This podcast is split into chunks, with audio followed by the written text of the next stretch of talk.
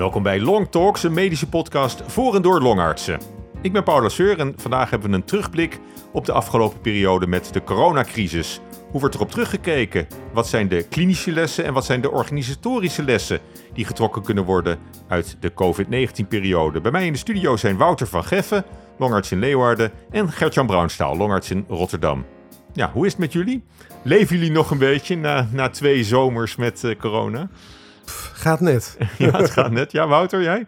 Ja, het is wel erg pittig geweest, maar uh, we gaan gewoon rustig door. Ja, je zegt uh, pittig geweest, maar is het een constante, uh, constante druk geweest of, of, of echt in, in golven, met, met, met de besmettingsgolven mee? Nou, de besmettingsgolven die doen wel mee, maar er loopt een heel stuk achteraan. Hmm. Je zit zeg maar aan de maximale capaciteit en je moet heel erg sturen steeds op die maximale capaciteit. Dus op het moment dat er meer COVID is, ja, dan wordt er meer COVID gedaan. Maar op het moment dat uh, dat weer afneemt, ja, dan moet de andere zorg ook gebeuren. Dus wij hebben eigenlijk wel veel meer aan de pieken van onze capaciteit gewerkt dan dat we dat normaal doen. En ook veel meer dan alleen de COVID-golven zelf. Ja, want uh, ik denk tenminste, die, die, indruk heb ik gekregen, dat vooral in, in, in maart en april 2020, dat, dat je toen hè, die, die, eerste, uh, die, die eerste stroom van gevallen, dat, dat dat de meeste druk op de organisatie gelegd moet hebben. Nou, klopt. De, toen was het natuurlijk ook allemaal nieuw en, en uh, was met name, uh, denk ik, de zorg nog niet helemaal optimaal mm. uh, georganiseerd voor COVID. Wist ook niet eigenlijk hoe we het moesten behandelen. Het was een compleet nieuw ziektebeeld. Heel veel mensen belanden toen op de IC en met de huidige behandelvorm die we nu hebben met de dexamethason, met de uh, vaccinaparine en met de tocilizumab zijn we toch in staat om veel meer mensen van de IC af te houden. En zie je dat de piekbelasting daar minder is. Maar als je nu um, kijkt goed, hoe het, is, bijvoorbeeld... het is een waterbed. Uh, dat komt ergens anders weer naar boven natuurlijk. Als, ja. als, als die, die druk op de IC's afneemt. Nou ja, wat je natuurlijk ook ziet is dat, kijk, zomers is normaal gesproken een rustige periode op de longafdeling hè, dat deze hmm. zomer toch nog echt behoorlijk veel COVID-druk hebben gehad. Terwijl toch ja, iedereen wel op vakantie moet. Dus dan zie je dat het ook in de zomerperiode toch behoorlijk druk kan zijn op een afdeling. Ja. Maar goed, de vaccinatiegraad is inmiddels, uh, nou, wat, wat is hij in, in Nederland? 80% of zo? Nou, dat is zo zeggen, hij wordt elke week beter. Um, en, uh, maar hij kan mij niet hoog genoeg zijn. En, en ik denk eigenlijk dat hij op dit moment nog, nog te laag is. Maar ik zie wel, je ziet er wel een hele grote schuiving in optreden.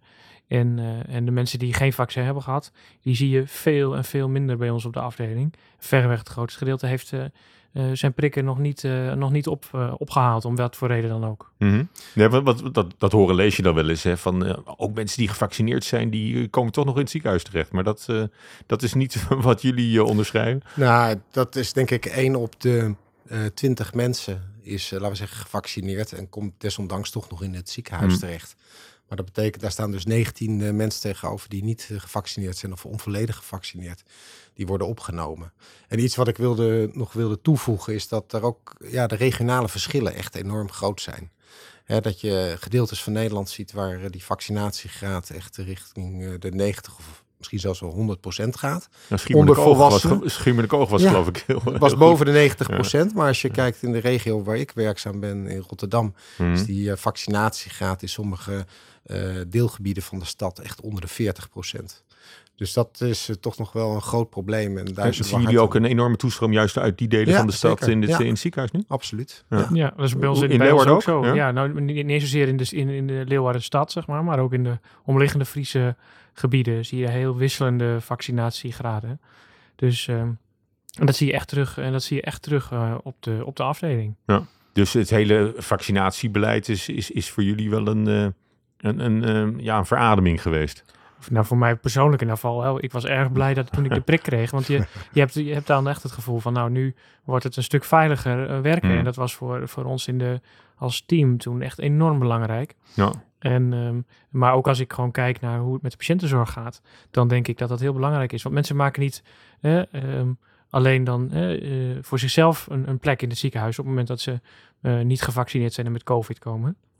Maar ook zeker als de winter er weer aankomt en andere ziektes opkomen, dan zie je ook dat ze uh, het bed waarschijnlijk zullen gebruiken. Waar anders bijvoorbeeld iemand met een hartoperatie misschien weer opkwam. Ja. Of iemand die een, uh, een knieoperatie nodig heeft. Of uh, een heel andere soort van ziekte. En dat blijft natuurlijk nog. Hè. Dus hmm. die, het is niet alleen een keuze, denk ik, die mensen moeten maken voor zichzelf, maar ook voor anderen in de maatschappij.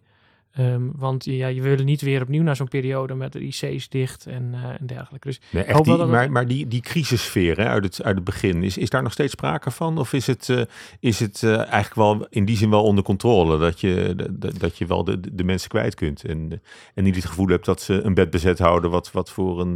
Nou, dat valt of staat denk ik met de capaciteit. voor, tot zeg maar vorig, maart vorig jaar kregen wij in, in Leeuwarden vrijwel nooit overnames uit de rest, uit de rest van het land buiten dan de drie noordelijke provincies. Maar we krijgen nog steeds wekelijks, uh, dagelijks patiënten uit uh, Noord-Holland of uit Rotterdam of uit Den Haag. Um, die uh, overgeplaatst worden naar ons ziekenhuis, omdat in hun ziekenhuizen geen plaats zijn. Dus um, crisis denk je ook hè, van, nou, er is echt geen, geen redden aan en, en, en dergelijke. Um, dus we kunnen het wel organiseren. We hebben de organisaties ook echt nu goed staan. Maar het is wat mij betreft nog steeds absoluut geen normaal patroon van, van de zorg. Nee, in, in, Rotterdam? Ja, zeker. Ik denk dat wij toch wel twee of drie keer per week een SEH-stop hebben. Waarbij we dus eigenlijk geen uh, mensen met COVID meer uh, kunnen ontvangen. En dat heeft inderdaad mee te maken dat... Uh, en die verwijs je dan naar, naar Leeuwarden bijvoorbeeld? zeg, probeer het maar in Leeuwarden. hey Wouter, ik heb, ik heb er nog een paar voor je. Ja. ja. nou meestal kunnen we die regionaal wel kwijt. Um, ja, maar soms kan het regionaal ook wel verstopt raken. En dan moet je toch die patiënten zien, stabiliseren en overplaatsen. Dus um, ja, wij hebben toch op dit moment nog wel echt een behoorlijke focus liggen om toch te kijken of we die mensen in die uh, stadsdeelgebieden die, uh, waar die vaccinatiegraad zo Hmm. laag is, om die dan toch te bereiken. Hè, om dan toch echt lokaal die wijken in te gaan en kijken of we nou, in ieder geval niet uh, de echte, de echte um, um, virusontkenners, die zal je niet over de streep trekken. Maar de mensen die gewoon toch Mhm. ja, minder goed geïnformeerd zijn, omdat ze misschien een taalachterstand hebben. hè, of om, om, omdat ze analfabeet zijn. hè, dat je dat soort mensen misschien toch dan uh, kan overtuigen om een prik ga te je, nemen. Ga, je zelf, ga je zelf dan ook eh, de boer op en, en het, eh, de markt op? En, Ja, wij, eh, bij ons in het ziekenhuis ehm, eh, ja, proberen wij ook wel deel te nemen in, in, in, in diensten, zeg maar, om, om eh, met Om eh, te prikken. verpleegkundigen de wijk in te gaan. Ja. Ik moet heel eerlijk zeggen dat ik dat zelf nog niet gedaan heb, maar collega's van mij hebben dat eh, wel gedaan. Dus dat eh, is eh, zeer te waarderen. Ja. Ja. En, en de manier waarop je mensen behandelt, want je, je vertelde al, Gert-Jan, dat, dat jullie nu ook andere eh, of, of veel gerichtere eh, eh, medicatie ook hebben, hebben, hebben, hebben gevonden eigenlijk. ja, dat Is, klopt. is, is, dat, is dat heel erg veranderd? Ehm, nou, daar zijn De, de daar hebben- doorlooptijd misschien ook van, eh, is, eh, helpen jullie mensen er sneller bovenop? Ehm, nou, ik denk dat we ten eerste in staat zijn om denk ik, meer mensen buiten het ziekenhuis te houden. Dat komt omdat we ook gewoon nu in staat zijn om mensen eh, thuis te behandelen, eventueel met, eh, met zuurstof. En op die manier dus mensen buiten het ziekenhuis te houden. Ehm, maar inderdaad met eh, een combinatie van eh, dus, eh, de vaccinaparine, de dexamethason en de tocilizumab, eventueel aangevuld met eh Optiflow behandeling Hm. ja, ben je toch in staat om ervoor te zorgen dat mensen niet naar de IC gaan. Want als mensen naar de IC gaan, betekent dat vaak ook een heel lang natraject. Omdat op de IC verlies je natuurlijk ook een hoop spierweefsel. En dat betekent eigenlijk een veel langere revalidatie dan als je iemand in Ja. staat bent om van de beademing af te houden. En de, ehm, wat hebben jullie er nou van gemerkt in, eh, gewoon in, je, in je team, in je directe omgeving, in, in het ziekenhuis? Hoe dat, eh, eh, het zal niet op iedereen hetzelfde effect eh, hebben gehad. Misschien zijn er wel mensen die juist heel erg floreren onder dit soort uitdagende omstandigheden. Nou, dat hebben we zeker. Dat, is heel wisselend. Ehm, eh, en enerzijds organisatorisch komen er echt onverwachte krachten in mensen naar boven. En ons team aan, aan longartsen, maar ook de artsassistenten die bij ons op de afdeling hebben gewerkt. Die, eh, die hebben enorm veel organisatorische taken op zich genomen. Ehm, ja, het zijn eigenlijk, ik geloof dat het in managementtermen zelfs sturende teams haast eh, geworden op sommige vlakken. En, eh, en die op, vol, op volwaardig niveau mee, met de organisatorische tak mee vergaderd hebben om Mhm. dingen te regelen en roosters te maken. Dus dat was fantastisch. Aan de andere kant, psychologisch gezien, ehm, is het nog steeds een enorme uitputtingsslag voor, voor heel veel mensen. En niet alleen natuurlijk de dokters, maar ook de verpleegkundigen. Ehm, waar het in het begin was hè, dat je eh, Ja. mensen had die, die En, en echt... waar, waar eh, merk je dat aan? Schiet de verzuimgraad eh, omhoog? Of, eh? nou, nou, niet eens dat zozeer, maar, maar dat ook. Ehm, maar ook gewoon de manier van omgaan met mensen. Waar je in het begin dus zag dat, dat ze gewoon eh, eh, mensen heel onverwacht uit het leven werden weggerukt. Toen kreeg je een periode waarin we eh, met de behandelingen die, die Gert-Jan eh, net al, ook al zei, en met name bij ons ook de invoering van de Airfo en de Optiflow, eh, heel veel mensen kon helpen. Krijg je nu weer een nieuwe fase. Uh, waarin ik merk dat in ieder geval ook echt binnen ons team mensen daar veel meer moeite mee krijgen. En ongetwijfeld luisteraars ook. Um, hè, dat je uh, het gevoel hebt van, hé, hey, ik heb nu mensen die onder mijn handen sterven of heel ziek zijn, bij wie dat eigenlijk niet per se eens had gehoeven. En mensen die dus hun prikken niet gehad hebben um, uh, en nog steeds ziek worden. Um, mensen die uh, COVID hebben gekregen, juist van andere mensen die ook niet een prik hebben gehad. En, en dan nog steeds hè, daarvan ziek gaan. En dat geeft weer een heel andere dimensie um, aan, aan die crisis. Omdat je daar ja, ook weer op een heel nieuwe psychologische manier eigenlijk mee om moet mm. gaan. En ja, we hadden in het begin echt hulpteams hè, van... Maar is dat, is dat het gevoel van machteloosheid dat je mensen niet hebt, hebt kunnen helpen, die, eh, dat, het, dat het onnodig is eigenlijk? Ja, ik weet niet of, of hulpeloosheid vind ik dan vind ik zelf een moeilijk woord, want zo, zo, zo voel ik het in ieder geval zelf, zelf niet. Maar um, het is natuurlijk wel, uh, ja, ik weet niet hoe welke term ik eraan moet hangen, zeg maar. Maar ik merk wel dat dat, dat, dat wat echt wel dingen losmaakt bij, bij heel veel mensen. En bij de een is misschien net weer meer boosheid, en de ander is misschien uh, teleurstelling, en de ander is meer hopeloosheid, en de ander is toch een soort van actie. Maar dat denk ik heel veel uh, mensen, mensen, het raakt mensen. En, en mm-hmm. op welke manier dat verschilt, denk ik. Is ook een, frustratie, denk ik, uh, Gert-Jan. Ja, Bespeur jij dat ook in je, in je omgeving? nou, zeker bij, ook bij jezelf misschien? Zeker ook als je naar die eerste tijd uh, kijkt. Hè, dan word je geconfronteerd met een ziekte waar gewoon eigenlijk best wel veel mensen aan overlijden. Je moet keuzes maken. Hè. Um, bepaalde mensen ga je gewoon niet meer behandelen, gaan niet meer naar de IC toe. Hè, die gaan dood op de afdeling. Ik denk dat uh, de dokters die echt het meest aan het bed staan, hè, dat zijn uh, de uh, artsassistenten, dat die in die periode echt geconfronteerd zijn met een heel hoop leed. Hè, mensen die in eenzaamheid sterven, familie die er niet bij mag. Ehm, ik denk dat die, die impact echt heel groot was. En gelukkig hadden we wel wat psychologische ondersteuning daarbij.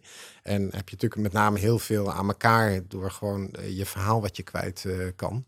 Maar uh, ik denk dat met name dus de impact voor de verpleegkundigen en de artsassistenten heel groot is geweest. Ja. Meer nog dan uh, voor ons. En waren ze daar een beetje op, meer op voorbereid bij de, bij de tweede en de derde golf? Of is het, ja, uh... bij ons wel. Ja, ik weet niet hoe, het, hoe dat natuurlijk in Rotterdam was. Bij, bij, dat zag je wel. Dat dat, maar daar kwam wel weer een extra... Oh, ook met, met die begeleiding misschien, met die psychologische... Ja, ik denk dat het wel beter was. En op zich, de organisatie stond natuurlijk beter. We zijn denk ik wat minder overvallen daar. Iedereen wist wat meer wat hij kon verwachten. Hm. Um, en we hadden natuurlijk toch meer mogelijkheden, waardoor denk ik uiteindelijk toch minder mensen zijn gestorven dan in de eerste golf. Ja. Ja, we hadden ook heel veel hulp. Dat was ook wel fijn binnen het ziekenhuis. Hè? Want zeker in die eerste fase werd je echt helemaal overspoeld. Um, uh, ons artsenteam en ons verpleegkundige team, zoveel mensen. Um, uh, de, uh, continu mensen vanuit, vanuit de rest van het land. Um, dat, dat, konden wij ook niet aan. Hè. Dus we hebben in, in ons ziekenhuis en ook heel veel steun gehad van andere vakgroepen. Um, ons, de internisten in ons ziekenhuis hebben, hebben heel intensief mm. mee samengewerkt. Maar ook bijvoorbeeld uh, de orthopeden, op het moment dat ze niet aan het opereren waren, omdat de OK's dicht waren, omdat de verpleegkundigen bij ons bezig waren, die hebben bij ons op de afdeling gelopen. We hebben de uroloog op een gegeven moment bij ons uh, uh, aan het bed gehad als artsassistent longziekte. Uh, ik heb brieven uit, ook van andere gebieden gekregen. Dan was er een uh, brief over een patiënt die wij dan bijvoorbeeld uit Brabant overnamen. en dan stond er onder professor cardiologie heeft de brief geschreven. Thans in de functie van artsassistent longziekte. Nou, weet je, dat soort, dat soort dingen. Ja. En dat was wel echt een hele mooie stap. En, en, en dat hebben we, we hebben echt tot heel lang steun gehad. En ik hoop ook wel dat uh, dat we dat soort dingen niet meer nodig hebben. Ja. En, en, uh, maar het, dat, dat is ergens ook misschien wel het, het, het mooie van zo'n, van zo'n uitzonderlijke periode. Dat je, ja. dat je, dat je dan uh, die, die solidariteit ervaert. Ja, ja dat herken ik ook inderdaad zeker uit die beginperiode. Ik merkte wel dat naarmate die COVID langer duurde, dat, laten we zeggen, andere specialismen toch wel wat sneller hmm. zat werden. En, en dat je op een gegeven moment toch inderdaad samen met de internisten er wel een beetje nou, alleen voor staat. En het toch, toch alleen ook moet uh, hmm. uh, rooien. Want um, uiteindelijk is, is het ja, dan, is is het dan toch kwestie voor, voor internisten en longartsen? Ja, dat is denk ik wel um, waar het het meeste thuis hoort, het ziektebeeld. Ja, hmm. ja, ja, en natuurlijk de dokters op de intensive care, hè, maar dat, is dan, ja. uh, dat spreekt dan uh, voor zich. Dat, dat hoort daar dan denk ik bij. Hmm. En, uh, en op de spoedopvang ook. Maar, maar dat, dat ook. En zeker ook als we nu en naar de naar een, een, winter toe gaan waarin misschien toch wel meer COVID is dan dat we hopen. En of gecombineerd met een griepepidemie. Uh, dan komt er wel weer een zware mm. last uh, uh, op de schouders van, van iedereen in de teams die Gert-Jan ook net noemde. Ja. Dus ja ben, ben je daar bang eh, voor dat, het, eh, dat de winter echt wel weer eh, behoorlijke piek gaat? eh, Nou ja, er zijn, er zijn succesvolle shows eh, die zeggen dan winter is coming. Ja. Ehm, hè, en, en ja, daar moet je gewoon op voorbereiden. Hè? Dus ik denk dat we nu in ieder geval in de fase zitten dat we echt moeten voorbereiden.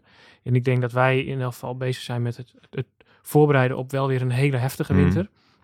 Maar ik hoop dat die meevalt. ja, hoe bereid je daarop voor? Ook, ook met, met in je achterhoofd hoe het, eh, hoe het de afgelopen anderhalf jaar is. ja, nou, wij, wij hebben extra dokters aangenomen.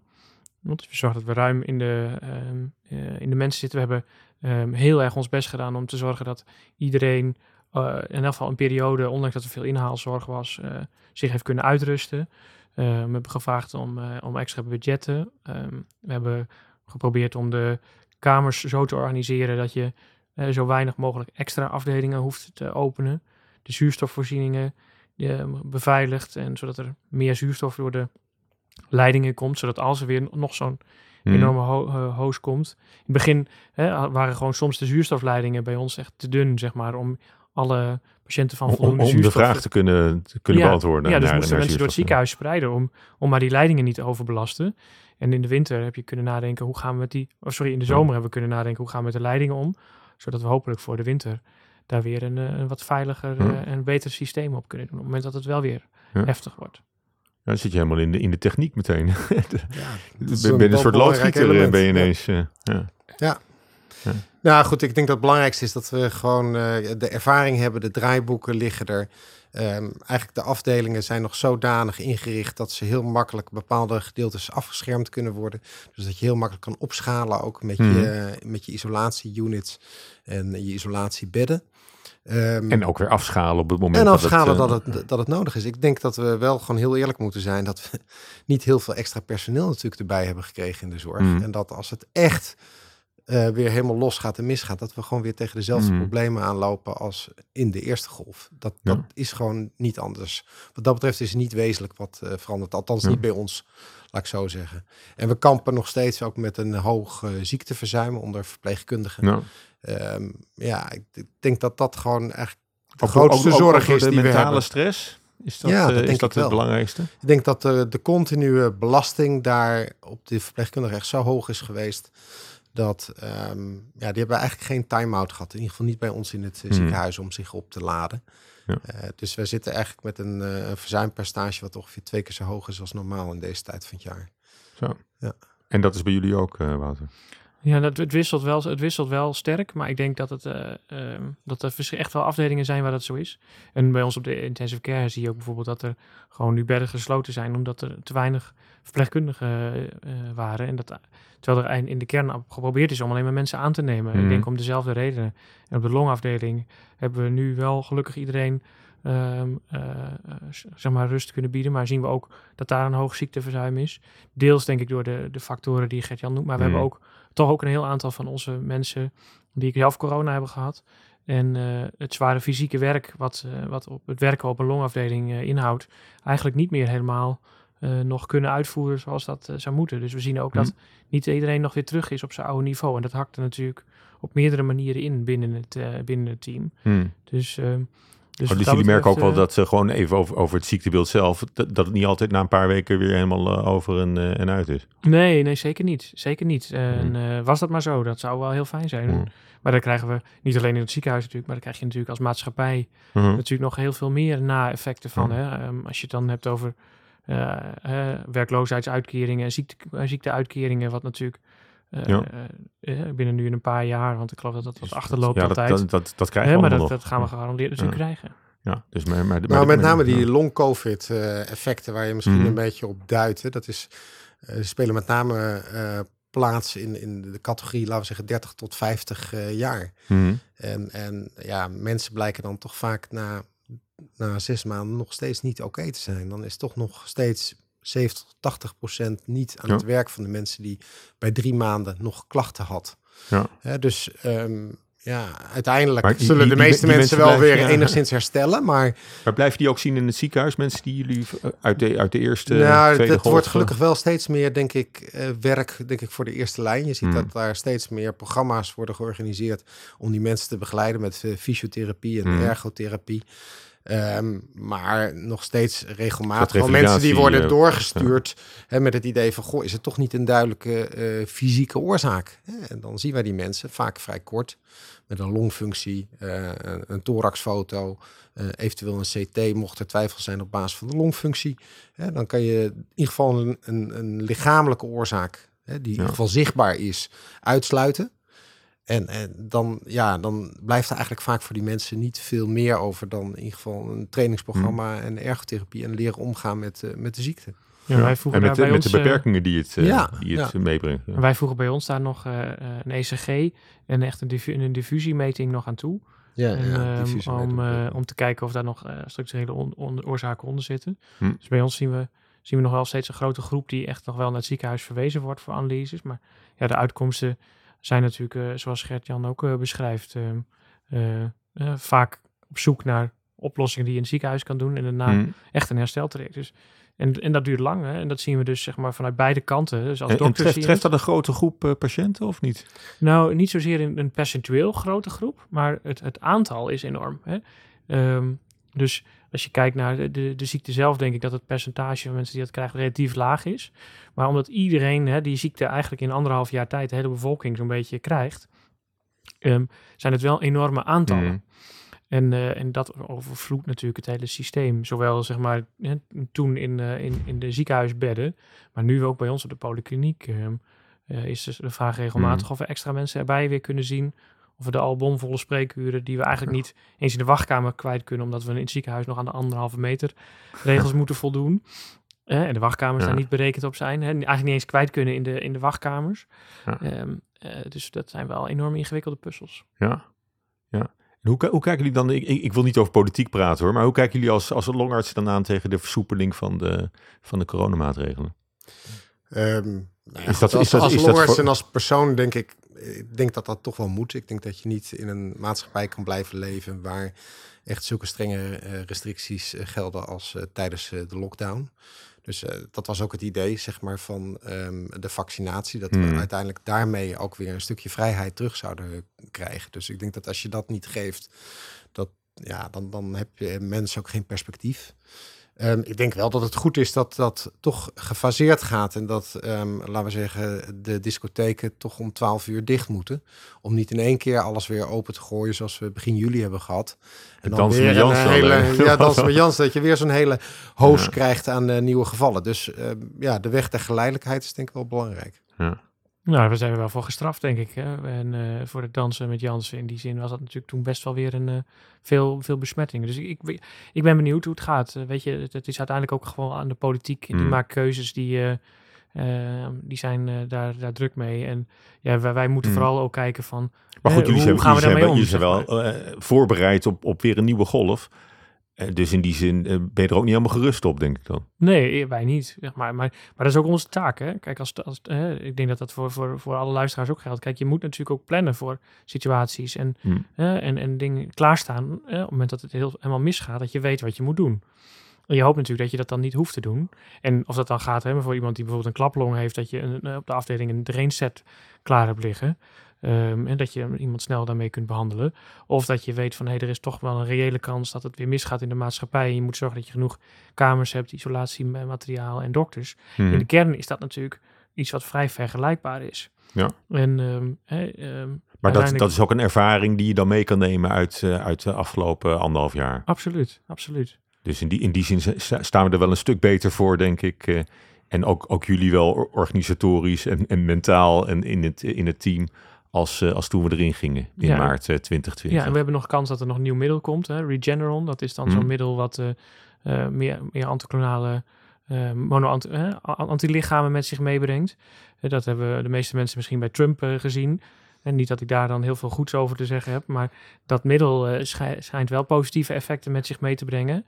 Um, en dat zou een middel kunnen zijn waarin je mensen die toch ziek zijn en kwetsbaar zijn en een risico hebben dat ze gaan afvlakken, afknappen. Ja, dat we deze winter misschien toch nog zouden kunnen gebruiken. Um, het is wat hè, spreken Hmm. voorafgaande, want nog niet alle data zijn bekend en nog niet alle officiële erkenningen zijn toegekend. Ja, maar als die uh, resultaten net zo gunstig zijn als de eerste berichten, Ja. Zou dat nog iets kunnen zijn? En wat we kunnen toevoegen aan het, reisje, het lijstje wat eh, we eerder besproken hebben van de dexamethason, Ja. tocilizumab en de Optiflow. Ehm, eh, dat je bijvoorbeeld mensen toch die Regeneron eh, eh, daar nog bij kunt geven Ja. om effecten te vermijden. Wa- Want, want in zijn algemeenheid, de therapieën die zijn, die zijn ontwikkeld in, in, in heel korte tijd. En ook een vaccin wat natuurlijk in no time eigenlijk op de, op de markt kwam. Als je dat vergelijkt met, met, met andere situaties. Hoe, hoe, hoe kijken jullie daarop terug?